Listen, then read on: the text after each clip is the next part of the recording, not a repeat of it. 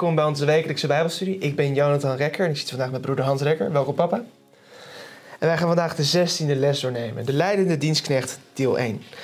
En we gaan het vandaag hebben over ehm, het begin van het hoofdstuk 53 van Jezaja.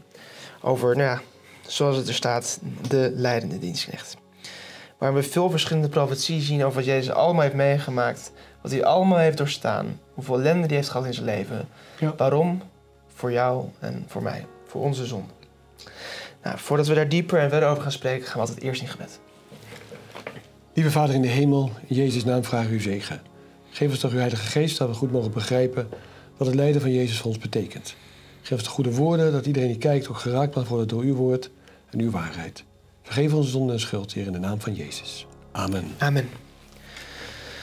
Ehm, nou, de inleiding geeft eigenlijk alweer de inhoud van, de, van waar we zo, zo meteen verder over gaan Ja. hebben. Dus die, die kunt, u, kunt de video pauze doen en kunt u hem zelf lezen. Maar hier slaan we hem op dit moment even over. En we gaan naar de eerste vraag. Ehm, als we de profetie in Jezaja lezen, Jezaja Mhm. 53 begint het met één tekst, die gaan we Ja. zo meteen citeren. En daar kunnen we een vraag bij stellen. Als we dan die tekst lezen, hoeveel mensen zouden dan in Jezus geloven? Nou, miljoenen, miljarden, duizenden, honderden? Als je naar de huidige kerken kijkt, denk je, dat zullen wel, zullen heel veel mensen geweest zijn. Ja, Maar de profetie is, en dan gaan we zo kijken hoe de vervulling is. De profetie zegt letterlijk, wie heeft onze prediking geloofd? En eh, wie is de arm van de Heer geopenbaard? En dan is dat bedoeld in de term van, kan jij het zien? Ik kan het niet zien. ja. Als ik naar alle mensen kijk, ik kan niet precies vinden wie het is. Jij vertelde met in jouw huidige Bijbel met, eh, kanttekeningen. met kanttekeningen. Er staat een mooie kanttekening bij. Dat er staat, er is niemand of weinig. Of er staat schier niemand. Schier niemand. Ja. En schier betekent in dit geval bijna, Nagenoeg. nagenoeg ja. Schier, Monnicoog, hè, bijna een, een eiland. Het is eh, in dit geval. Maar weinig. Ik zeg maar even weinig. Ik zeg niet niemand, weinig. Nee. Als we kijken naar ehm, van dat hele Joodse volk, Ja. talloze Joden in ieder geval. Maar wat namelijk het moment van perspectief is, het moment dat Jezus zijn dienstwerk deed. Dat was het toetsmoment voor deze profetie eigenlijk. Want daar gaat het over. Het gaat over Ja. Jezus' dienstwerk. En hoeveel mensen hebben hem toen geloofd Ja. hier op aarde? Er zagen, veel mensen zagen hem als een profeet. Ja. Sommigen zagen hem als de Messias, maar hadden daar hun eigen beelden bij. Ehm, en daarom is ook het citaat in Johannes 12, vers 38 heel Mhm. erg treffend. Want daarin zegt Jezus, u zult zien dat de Zoon des Mensen verhoogd wordt. Ja. Verdoelend op zijn kruisiging. En dan antwoorden de Joden, maar wanneer de Christus komt, blijft het tot een eeuwigheid. Hoezo wordt hij dan verhoogd? Daarmee geven ze aan, we geloven niet dat de Messias een marteling zal ondergaan. En dat is precies waar die profetie van Jezaja 53 1 vers 1 op ziet. Het is namelijk een aankondiging van het lijden van de Ja. Messias. Ja. En dat wilden de Joden niet geloven. En hier herhaalt hij duidelijk, wie heeft onze prediking geloofd? En wie is de arm van de Heer geopenbaard? Met andere woorden, ze snappen het niet en ze begrijpen het ook niet. Paulus vind ik het nog mooier zeggen hoor. Ze zegt letterlijk, maar zij zijn niet allen het evangelie gehoorzaam geweest. Met andere woorden, weinig weer. Hij zegt weer niet niemand, hè, maar schier weinig zoals in dit geval. Ja. Het eh, bijzondere is dat Johannes eh, haalt ook nog een ander citaat aan van Jezaja. In vers 40 zegt hij, ehm, haalt hij, haalt hij ook Jezaja en dan zegt hij... Hij heeft hun ogen verblind en hun hart verhard... opdat zij niet met de ogen zouden zien, met het hart zouden inzien... en zich bekeren en ik hen zou genezen. Ehm, daarin wordt dus de vraag gesteld van ja, ehm, heeft God... Ze zijn dus verblind. En Jezaja lijkt te zeggen, te suggereren dat God hen heeft verblind. Ehm, maar waarom waren ze eigenlijk verblind? Ze waren verblind door hun eigen vooroordelen. Ja. En Ik denk, denk dat dat stuk mogen we best wel even aanraken. Eh, we zeggen vaak, ik, ik ben onbevooroordeeld. Nou, ik weet uit mijn eigen ervaring, ook in mijn werk, dat we heel veel vooroordelen hebben. We luisteren niet onbevooroordeeld, we hebben een mening, we hebben een ervaring, roepen we dan. Ik heb er ervaring mee, dus ik, ik, ik weet wat er gaat komen eigenlijk. En we luisteren met allemaal vooroordelen. En zij zijn eigenlijk gegroeid naar, het, naar hun eigen Ja. beeld van de Messias. En zo keken ze ook. En de opmerking zegt het heel mooi, hè? het laatste alineaatje dat voor mag lezen. Het is niet God die de mensen oogkleppen opzet. Dat, is- dat is in ieder geval een troost, hè? Of een hart voor hart. Het is het licht dat God naar zijn volk stuurt om hun fouten te corrigeren. Om hen op veilige paden te leiden, maar dat ze weigeren te accepteren. Dit is hetgeen hun gedachten verblindt en hun harten verhardt. Goeie les voor ons ook. Ja. Als we iets niet begrijpen, laten we het niet plaatsen in ons eigen kader. Maar eerlijk en onbevangen op zoek gaan naar de waarheid. Precies. Dus als iets niet in ons straatje past, ehm, als iets onze denkwereld op elkaar zet, dan moeten we de nederigheid hebben om te zeggen: Heer, help me om het te begrijpen. Help me, precies. Breng mij, breng mij in dat straatje in plaats van dat het in mijn straatje past. Zoals de man die met zijn zoon naar Jezus toe kwam, en die, die door de discipelen niet genezen kon worden, te weinig geloof had. Die zei: Heer, ik geloof, kom mijn ongeloof tegemoet. Ja, Help mijn ongeloof. meer was niet, hè? Het mag ook ons gebed zijn. Ja. Dus Jezaja voorspelde dus de ongelovigheid van het Joodse volk Ja. als geheel. Ja. Er waren natuurlijk de eerste christenen waren allemaal Joden. Ja. Ehm, dus er waren ook zeker mensen die Jezus geloofden aan aannamen als de Messias. Petrus zei, u bent de Zoon van God. U bent de Christus. Ehm, maar zoals zo mooi in deze kanttekening in de Bijbel staat, schier niemand. Van die, van die Oh. miljoenen Joden die er waren, waren het er maar weinig. We gaan door naar de, en de- voor de rest van de les pakken we continu één, continu één vers uit. En we gaan eigenlijk naar vers 2. En daar is de volgende vraag bij gesteld. Hoe zou de trouwe dienstknecht van de Heer voor zijn aangezicht groeien? En zou hij nou een speciale schoonheid bezitten om de aandacht van mensen te trekken? Er wordt hier een mooie vergelijking in vers 2 getrokken. Er zijn twee vergelijkingen. Er komt uit de dorre aarde komt iets. Mhm. Dat is op zich al bijzonder, dat er iets in dorre grond wil groeien. En er komt een lood uit. Eh, nou, een lood is iets wat in het begin is van een wort, een boom. Dus dat is een takje en er komen blaadjes aan en dat ontwikkelt zich. Dat is natuurlijk een prachtige symboliek ook, dat Jezus hier niet als een volwassen man op deze aarde geplant is. Wat ook gekund had. Ja, Als 30-jarige uit de hemel gekomen als mens, dan zijn dienstwerk 3,5 jaar doet, gekruisigd wordt en vervolgens sterft, klaar. ja, als je, naar de, als je in, in planten zoekt, dan kan je naar de internet gaan. Dan heb je twee opties. Soms drie. Je kan of zaadjes kopen, of je koopt een klein plantje, of je koopt een volgroeid. Ja. Ik ben Nou, die volgroeide optie is heel duur. Ja. Eh, dat betaal je dus vaak als je voor Ja, een, citroen, een citroenboom wil hebben vol. Nou, dat kost je een paar honderd euro vaak. Ja. Maar je- of je kan een klein, een klein, klein boompje, dat kost je dan een, een paar tientjes. Ja, of de zaadjes, en die kosten je een paar euro. Ja. Als je 30 jaar geduld hebt, gaat het wel goed. Precies. Dus als je de makkelijke weg zou zijn, nou gewoon die boom. Hè, ben je klaar. Ja. Dat had ook voor Jezus kunnen zijn geweest. Ja. Dat ook Jezus dat direct als mens, als volwassen groeide met een volmaakt karakter. Die, eh, nou, dat heeft hij natuurlijk altijd gehad. Maar had gewoon klaar, geen, geen groei, speurde niks. En gewoon die drie jaar die zijn echte dienstwerk was, direct kunnen doen. Dat staat heel erg mooi. Uit een dorre aarde komt een lood. Ja. Zo is hij ontwikkeld. Het maakt het extra moeilijk juist, omdat hij daardoor ook zegt... ja, maar hij komt uit Nazareth. Was hij niet onder ons? En al die verwijten komen er ook nog een keer bij. Ja. Ja, en wat zijn, ik denk ook, want waarom ik dit ook aanhaal. Ehm, het, de Bijbel beschrijft het meerdere keren. Hij is als een reisje uit de stam van Jesse. Ja. Hij is als een lood opgekomen. Omdat het ook van belang is om te beseffen dat die Messias dus niet... dat hij dus zou opgroeien als iedereen. En ik denk dat Mhm. hoewel het leven moeilijker wordt steeds als je volwassen wordt... jeugdige mensen denken dat ze een moeilijk leven hebben, maar... eh, Je krijgt pas echt een tegenslagen als je ouder wordt en je op je eigen benen moet staan. Maar voor de vorming van jouw identiteit, Mhm. voor de vorming van, je, van wie jij bent, is het jeugd het moeilijkst. En het is dus niet zo dat Jezus dat allemaal niet heeft meegemaakt. Ja. Dat hij niet wist hoe het was om anders te zijn als jongere. Ehm, hij heeft het hele proces wat wij in ons leven meemaken, Ja. heeft hij meegemaakt in onze ontwikkeling. Kijk, de opmerking zegt heel mooi. Ze hadden eigenlijk gehoopt hè, en verwacht. Ze zagen uit naar een Messias die met uiterlijk vertoon en wereldzeerlijkheid zou komen. Ja. Met andere woorden, een prins uit een koninklijk geslacht. Mooie rijtuigen, mooie klederen met zijn gevolg. Dat hadden ze verwacht. De wijze uit het oosten, de eerste fout die ze maakte. Ja, ze gingen naar het Ging naar de Herodes toe. Ja, dat is heel menselijk gedacht allemaal. Ja. Nou, en dan zie je die, die speciale schoonheid, die was er ook allemaal niet. Het is, Jezus was, zag gewoon, als je hem... hij- hij- Jezus had overigens wel een bepaalde aantrekkingskracht. Zeker. Op bepaalde mensen. Ja. Op mensen die zwak waren. Wezen, weduwen, mensen, tollenaars. Waarom? Omdat hij een zachtmoedige, vriendelijke, lieflijke uitstraling had. Had een, voor iedereen die hem nodig had, had hij een Precies. opbouwend woord, een vriendelijk woord. Als je ziek was, werd je genezen. Als je, in, als je gefrustreerd was, dan beurde hij je op, werd je weer vrolijk. Ja. Hij hielp echt iedereen uit de ellende. En dat maakte hem ook juist zo verwerpelijk voor de andere mensen. Ja. ja. Omdat hij, want hij, hij was een vriend van de tollenaars. Hij werd een dronkaard genoemd omdat hij met hen at. ja. Ehm, hij werd een gulzigaard genoemd omdat hij net niet zo, net zoals de fariseeën geloof ik, nou drie keer in de week vasten. ja. Ehm, dus hij werd in alle opzichten werd hij, ehm, weggezet als een vreselijk persoon. Iemand die... Er was ongelooflijk veel roddel en achterklap over. Kijk, en we hebben het nu hierover, deze Jesaja 53, omdat in de geest de profetie staat, letterlijk, dit hoofdstuk moet bestudeerd worden. Ja, het hele hoofdstuk. Ja, nee, daarom. Dus ik zeg het nog maar, dan zegt, waarom moeten we nou over dit hoofdstuk hebben? Nou, het staat in de geest de profetie, dit hoofdstuk moet geprofiteerd, bestudeerd worden. Het openbaart Christus als het lam Gods. Ja.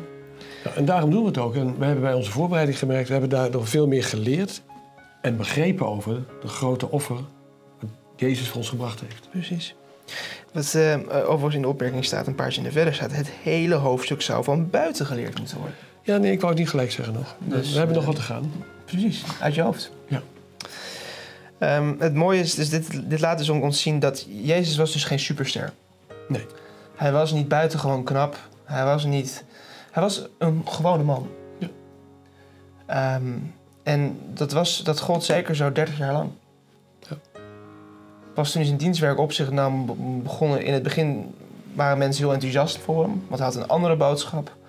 De fariseeën hebben hem nooit gemogen, maar heel veel andere mensen wel. En ook die mensen, toen ze erachter kwamen dat hij zich niet presenteerde als de leeuw van de stam van Juda... heel veel mensen zijn ook bij hem weggegaan toen. En aan het einde eh, was er niemand. Ja. En Als je kijkt naar wie er bij het kruis van Jezus stonden. Maar de, de vrouwen, Zijn vijanden en zijn moeder met een aantal vrouwen en Johannes. Ja. Dus ehm, deze profetie is, is vrij uitvoerig, nou, vrijwel letterlijk uitgekomen op die manier. We hebben, er was niets dat wij hem begeerd zouden hebben. Zijn boodschap niet, niet hoe hij eruit zag. De enige mensen die hem begeerden waren de mensen die hem nodig hadden. Althans, we hebben hem allemaal nodig. we hebben hem ook nodig. die wisten dat Precies. ze hem nodig ja. hadden. Ja. We gaan door naar de derde vraag. Hoe behandelden mensen Gods dienstknechten en hoe respectvol waren ze voor hem? En hoe ging hij daarmee om? Hoe reageerde hij op pijn en lijden? Ja. Vergeleken met mensen, hoe mensen over het algemeen reageren als er met ze wordt getart. Iets moet gebeuren en dan ga ik over respect hebben. En dan komt de rest zo wel. Uh, Jezaja 53 vers 3, dus het derde vers gaan we nu echt over hebben. Hij was veracht. Ja. Hij was een man van smarten, onwaardig onder de mensen, bekend met ziekte, als iemand voor wie mensen gezicht verbergen. Met andere woorden, ik wil het niet aanzien. En nu komt het, hè. Het woord respect is be- best belangrijk in Nederland ook tegenwoordig. Er zijn echt ook gewoon groepen in Nederland die zeggen... ja, ik wil dat je graag respect voor me hebt. Omdat wij dat namelijk niet hebben voor die mensen dan. Dan vinden we dat ze buitenlanders zijn en dan behandelen ze niet respectvol. En er zijn mensen die En terecht dat ze dan zeggen, ik wil graag respectvol behandeld worden, want Ja. dat is normaal. Respect betekent dat je accepteert dat iemand is zoals hij is. En hem gewoon behandelt als medemens. Ja. Niet meer en ook niet minder. En dat heeft eigenlijk iedereen gewoon recht op. Eigenlijk. Dat is de weg zoals God het laat zien. We moeten iedereen, ongeacht of hij nou tollenaar is, of hij een donkere huidskleur heeft, of het een vrouw is, of een man is. Het maakt niet uit wat het is. Wat hij gedaan heeft, maakt niet uit. Wat zij gedaan heeft. Nee. respectvol behandelen. En wat zie je? Jezus is nauwelijks respectvol behandeld Ja. door de mensen die de macht hadden. Hij werd respectvol behandeld door de, me- door de mensen die hij genezen had. Hij werd aanbeden door de mensen die, hem gene- die hij genezen had. Maar door de autoriteiten werd hij respectloos behandeld. Hij werd... ehm, Herodes zette hem te kakken. Ja, Ehm, ook Pilatus, nou ja, de soldaten sloegen hem. soldaten sloegen hem. Eh, of dat bord, ja, Ja, dat is bijna spotterij. Die is koning der Joden. Ja, ja het is, dat is altijd moeilijk, vond ik altijd moeilijk Ja. in te schatten. Want Pilatus, de Joden wilden dat hij weghaalde, maar hij liet het staan. ja. Ehm, maar hij werd, en het, eigenlijk zie je het meest in vervulling gaan op het moment dat Jezus aan het kruis hing. Ja. Dat is iets afgruwelijks om naar te kijken. En daar gold het meest dat hij daar, de marteldood die hij daar onderging, dat je wordt gegezeld en wordt gekruisigd. Dat is voor de meest, dat was de straf voor de meest lage mensen. De, de, ergste misdadigers. De meest, hij, werd, hij, hij, hij kreeg het kruis van, van Barabbas, ja. ja. die het echt verdiend had. En de mensen met wie hij werd gekruisigd waren ehm, Misdadigers, ook misdadigers. Ja. Die het ook verdiend hadden. Dat zeiden ze zelf, notabene. Ja, Ehm, dus deze profetie, ook hier zien we hoe dit is uitgekomen in Jezus' leven. En het gold eigenlijk voor zijn hele leven. Zijn hele leven lang heeft hij verachting, spot ehm, en ellende meegemaakt. Ja, wat je ziet, en daar mag je ook, we gaan er straks nog meer over hebben, dat ze het ook zelf mogen verwachten. Als je rein bent, zuiver bent, wat Jezus 100% is, Ja. dan is er altijd een conflict met het kwade. En dan botst het altijd. Dat kan niet anders. Nee. Het, komt, kijk, kijk, het beste voorbeeld is altijd als je in een donkere kamer doet het licht aan, is de duisternis weg. Dat betekent ook als je met, met zuivere bedoelingen komt bij iemand die slechte bedoelingen heeft, dan botst dat direct. Ja. En dan zie je enorme, je ziet enorme ophitserij komen, je ziet eh, leugens komen, smaad en weet ik al wat meer. Ja. En wat wij ervan kunnen leren is het voorbeeld van Jezus. Hij vergold niet kwaad met kwaad. Hij bad voor zijn moordenaars. Eh, hij verdroeg het leidzaam. En dan denk ik, ja, we hebben nog weg te gaan met elkaar. Ja. We gaan naar de vierde vraag. De pijn en het lijden van de mens op zich nemen. Welke ellende profiteerde de schrift dat hij zou dragen? Welke smart en droefenis? Ja. En welke verkeerde inschatting maakten mensen toen ze hem geslagen en gekweld hadden? Wat droeg hij voor ons? Ja, hij heeft al onze ziekte op zich genomen. Ja. Ehm, ik heb twee manieren uitleggen. Hij heeft, hij, heeft, hij heeft dezelfde ziektes gehad als jij en ik. Hè? Dus hij heeft ook kinderziektes gehad, verkoudheid gehad, griep gehad en we- al dat allemaal. Zij is er niet van gevrijwaard geweest. Want het helpt ook niet. Hè? Ook al leef je heel gezond, je kan nog steeds ziek worden. Dat is het effect van de zonde. Het zondige lichaam wat we hebben. Maar we mogen ook geloven dat dat een van de andere betekenissen is dat hij die letterlijk op zich nam. En we weten dat, het voorbeeld wat jij gaf was mooi, dat de vrouw die 12 jaar gevloeid had, als iemand zijn kleed aanraakt, dat hij zegt: Ik voel dat de kracht uit me gegaan is. Ja. Dat betekent dus dat Jezus ook wat gevoeld heeft als hij mensen genezen heeft. Of het dan positief of negatief was, weet ik even niet. Maar het had effect bij hem. Het had impact. Ja. Ehm, ja, en dat is geprofiteerd in Jezaja 33 vers 4. En dat wordt bevestigd in Matthäus 8. ja, en het deed ook wel wat met hem als hij met die mensen was. Want hij, wordt ook vaak, hij was ook vaak moe Ja? na die dagen. En ehm, hij, hij, hij sliep dan, maar ook moest hij opladen met gebed. Hij moest zich afzonderen. Precies. Ja. Ehm, hij had een enorm druk eh, en veel eisend leven.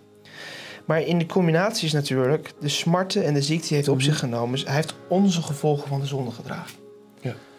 Ehm, die smart en de ziekte, dat is hier, staat symbool voor de gevolgen van de zonde. En die heeft hij voor ons gedragen in het meest ultieme vorm, de tweede dood. Precies. Hij is voor ons de tweede dood gestorven in onze plaats. Ehm, in de, de kreet van Nikea wordt benoemd dat hij in, de, in, de, in het dodenrijk is afgedaald. En dat staat ook ergens in de Bijbel, geloof ik. Maar in die zin, wordt, daarmee wordt bedoeld, in, in het zuiverste vorm, zoals ik het begrijp, dat hij voor ons de tweede dood is Ik gestorven. kan er niet overheen kijken. Precies. Jij en ik kunnen over de dood heen kijken als we morgen sterven. Of vandaag. Hij heeft de meest ultieme consequentie van zonde ervaren. Niet alleen een dood als een tijdelijke rustpauze, maar dood als een permanente scheiding van God. Ja. En hij is uit teruggekomen. Precies. Hij heeft onze straf van de zonde, Ja. is hij voor ons ondergaan. Ja. Nee, en het andere stukje wat, wat beantwoord wordt is... de verkeerde inschatting die mensen maakten was... als mensen ziek waren, was het altijd wel de schuld van die mensen zelf... of van hun voorouders. Ja. En Jezus heeft nooit zo naar mensen gekeken. Die vroeg gewoon of ze geloofden. Niet wat ze verkeerd gedaan hadden. Ze hoefden niet te biechten. Helemaal niet. Ze vroegen of ze Ja. geloofden. En op basis van hun geloof werden ze gered. En dat is zo'n andere aanpak. Ook die wij vandaag de dag doen. We willen toch, we moeten, het moet wel even doorgesproken worden allemaal. Hè, als we een conflict hebben. Er mag niks onaangeroerd blijven. Maar Jezus deed het helemaal niet. Die vroeg gewoon of ze geloofden. ja. Wat was nou de, de misvatting die mensen hadden over dat, alle ellende die hij droeg? Ehm, over de ellende wat hij in zijn leven had. Dus als hij, dat hij dus ook bijvoorbeeld werd gekruisigd. De echte misvatting was dat ze vonden dat het de straf van God was. Ja. Dat is een absolute misvatting. En we zien in deze opmerking heel mooi... dat was dezelfde misvatting die de vrienden van Job hadden. En dan zeggen mensen... ja, maar bij Job was het toch een beetje wel dat, dat God het deed? God heeft alles toegelaten. Was Satan die deed. Ik ben, ik ben het nu aan het lezen, want ik, probeer, ik heb Ja. een bijbelschema. Ik ben nu bij het boek Job. En dan zeggen ze vrienden, maar dat komt omdat je God niet voldoende hebt gerespecteerd. God niet hebt geëerbied. Je zou het bijna geloven. Kom tot inkeer, Ja. staat er inderdaad. En we weten dat Job niks fout had gedaan. Nee, nee. En dat is in dit geval ook zijn waarde van overtuigd. Hij moest wel iets verkeerd gedaan hebben. Ja. Anders gebeurde je dat niet. Als je ziet wat dat iemand inderdaad, dan denk je, nee, dat heeft hij vast verdiend. Ja. En Job zegt heel mooi in hoofdstuk 2. Zal ik alleen het goede van God aanvaarden en het kwade niet? Ik, ja, En daarmee dan zegt hij, accepteer nou dat ik neem zoals het komt. Ik verwijt God niks.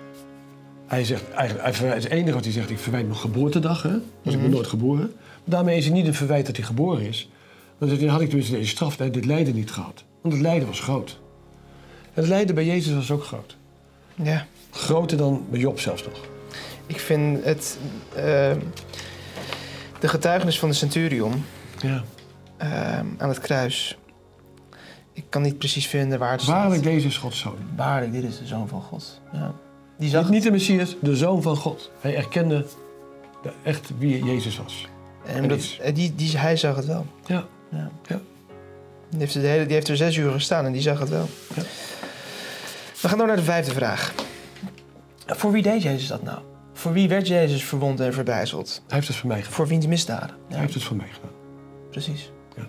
Kijk, als je namelijk leest van Jezaja dat hij heeft onze overtredingen verwond, onze ongerechtigheden, dan is het abstract. Maar als je, als je zegt, hij doet het voor mij, dan besef ik ineens dat hij voor mij geleden heeft. Hij heeft niet voor zijn eigen overtredingen geleefd. Maar het is zo belangrijk om te beseffen dat hij overgeleverd is, wat, wat, wat in Romeinen staat, om onze overtredingen. Ja. Toen, ehm, we gaan het bij de zevende vraag nog over hebben. Maar toen Jezus gekruisigd werd, zei hij... Vader, vergeef het want ze weten niet wat ze doen. Ja, Dat gebod was niet alleen voor de mensen die hem op dat moment letterlijk kruisigden. Dat was voor ons allemaal. ja, Want wij hebben hem gekruisigd. Ik heb hem gekruisigd. Elke zonde die ik bega... is een extra nagel door de handen en de voeten van Jezus. Ja. Het is voor mijn zonde dat hij is gestorven. En hij heeft het niet verdiend. nee. Hij is mijn schepper en mijn verlosser. Ja. In de Bijbel staat er is niet één rechtvaardig, niet één. Dat klopt bijna helemaal. Ja. Want er was er één die wel rechtvaardig was en dat was Jezus. Ehm, dat Jezus onderging de straf voor onze zonde die wij hebben verdiend. Terwijl hij er op, op geen enkele manier had verdiend. Nee. Hij had er geen enkel deel aan. Nee, we zouden dat tegenwoordig een dwaling van het gerecht noemen. Zoiets. Maar het was geen dwaling van het gerecht. Dit was het verlossingsplan wat volledig tot uiting kwam. Ja. Als je dan die tekst vervolgens leest, dan kan je de suggestie krijgen dat God moordzuchtig is, of ons bloedzuchtig is Mhm. door zonde. Want er staat namelijk in Isaiah 15, vers, vers 5... De straf die ons de vrede aanbrengt was op hem... en door zijn striem is er voor ons genezing gekomen. Ja, dus dan, dan klinkt het net van... ja, dus dat God vergelding moest hebben. Ja. Zo klinkt dat. Ja. En is dat nou zo? Is het nou dat God alleen maar van ons houdt... omdat Jezus voor ons is gesto- gestorven? En God houdt van iedereen. Ja. Maar kijk, het lastige is dat we zijn allemaal schepselen van God. Mhm. Alle mensen, hoe fout ze ook zijn. Dat wil niet zeggen dat ze kinderen van God zijn. Dat kunnen we worden als we zijn geboden gaan gehoorzamen. ja. Maar hij- Jezus is voor alle mensen gestorven. Het enige wat we moeten doen is een beroep op zijn, op zijn bloed. ja. Er is geen uitzondering waarvoor die niet gestorven is. In Steps to Christ, Scheden naar Christus, Ja. ik heb niet de Nederlandse vindplaats, staat het volgende citaat. Dit grote offer werd niet is niet gedaan om een liefde in het hart van de Vader te scheppen voor de mens. Niet om hem bereid te maken om de mens te redden. Nee, nee. Want God, al zo lief had God de wereld dat hij zijn enige geboren zoon gegeven heeft. De Vader houdt van ons, niet vanwege deze grote verzoening, maar hij heeft die grote verzoening voorzien, omdat hij zoveel van ons houdt. Ja. Ja. Het is dus niet zo dat God niets van ons hield voor het offer van Jezus. Integendeel, het offer van Jezus is gekomen omdat hij van ons houdt. Precies. Dus het, het beeld dat Jezus moest sterven omdat, hij zo, omdat, omdat de Vader bloed- vergelding Hard, moest hebben. hard was het. Ver- ja, ja, retributie heet dat gewoon. Ja. Dat is dus niet een juist beeld. Het, het offer moest komen om, om, omdat twee dingen. Het kruis laat ons twee dingen zien. Dat God rechtvaardig is Ja. en genadig is. Rechtvaardig omdat overtreding van de wet kan nooit zonder gevolgen blijven. Ehm, dat was namelijk het kernpunt van Gods bestuur, is zijn karakter en zijn wet.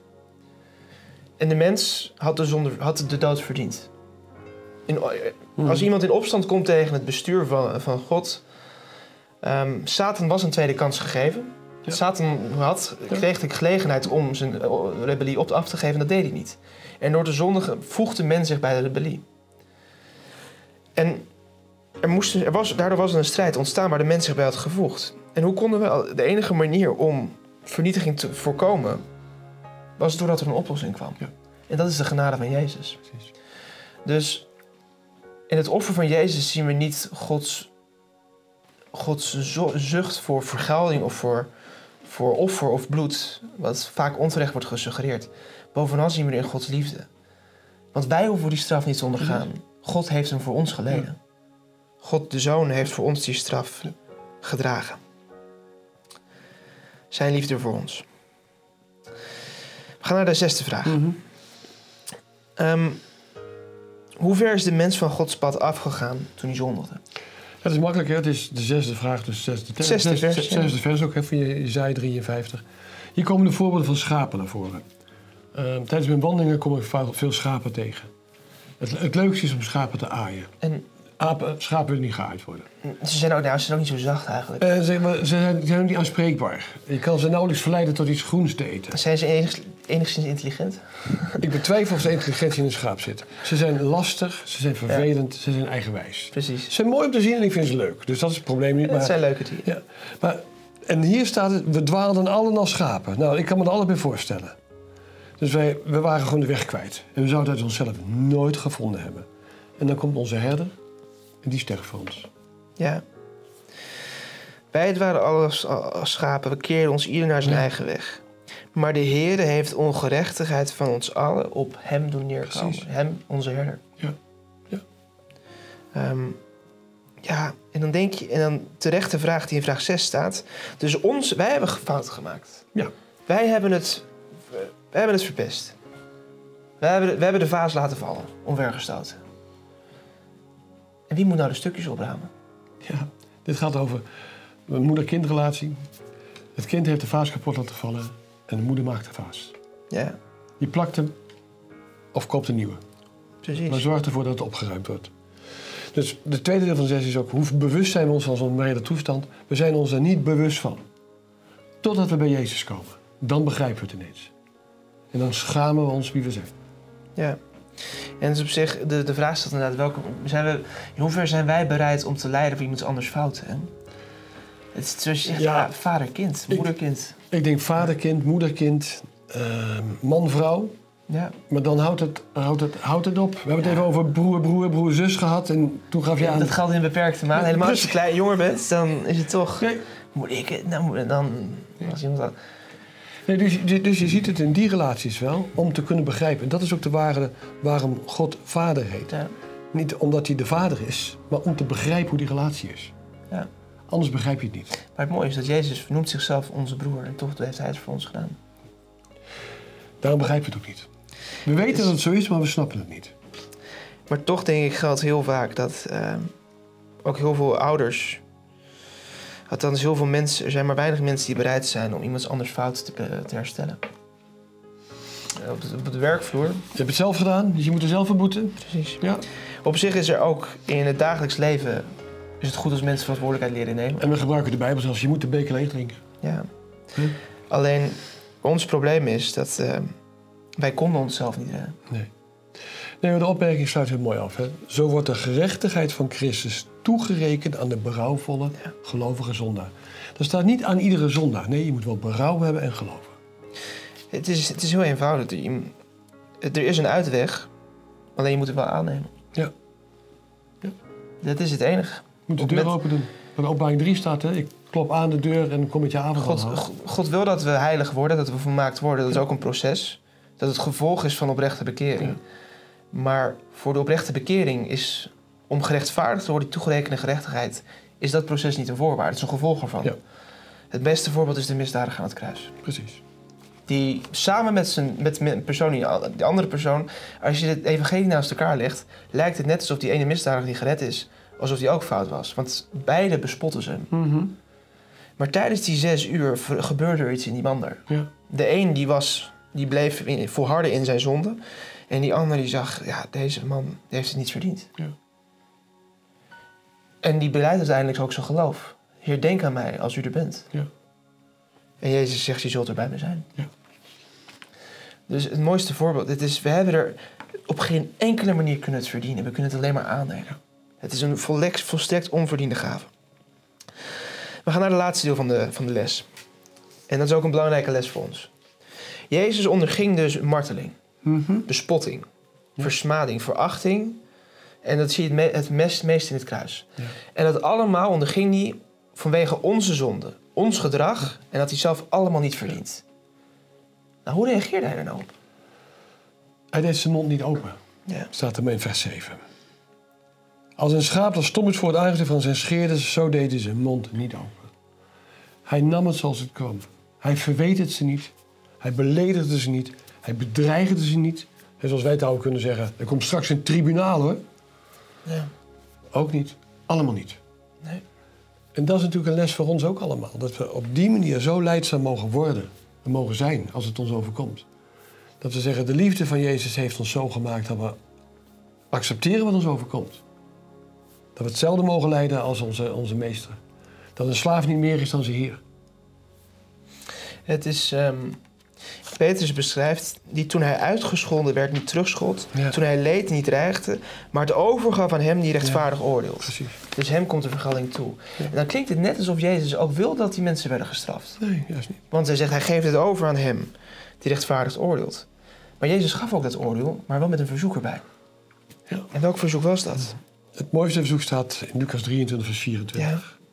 Het waren de Romeinse soldaten die de executie deden. Het waren niet de Joden. Het waren de Romeinse soldaten die hem aan het kruis genageld hebben. En hij zegt letterlijk, vader vergeef het want ze weten niet wat ze doen. Ja. En dat getuigt van zoveel liefde voor mensen. En wat we toen straks zeiden, daarom zegt hij centurion, waarlijk, dit was Gods. En dat is ook voor- belangrijk voor ons. Ook wij moeten in dit leven leren om het oordeel aan God over te laten. Ja.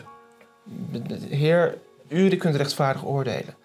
Maar ook God wil dan ook, als Jezus ons voorbeeld is, dan moet daar ook een aanvullend verzoek bij komen. En Heer rekent het er niet toe. Ja. Als u wil. Vergeef het hen. Ja.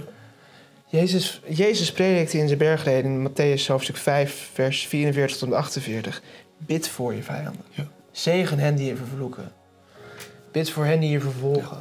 En hij leeft dit zelf na. En ik heb erover nagedacht, ik denk, waarom, waarom staat dat nou iedere keer? Hè? Ja.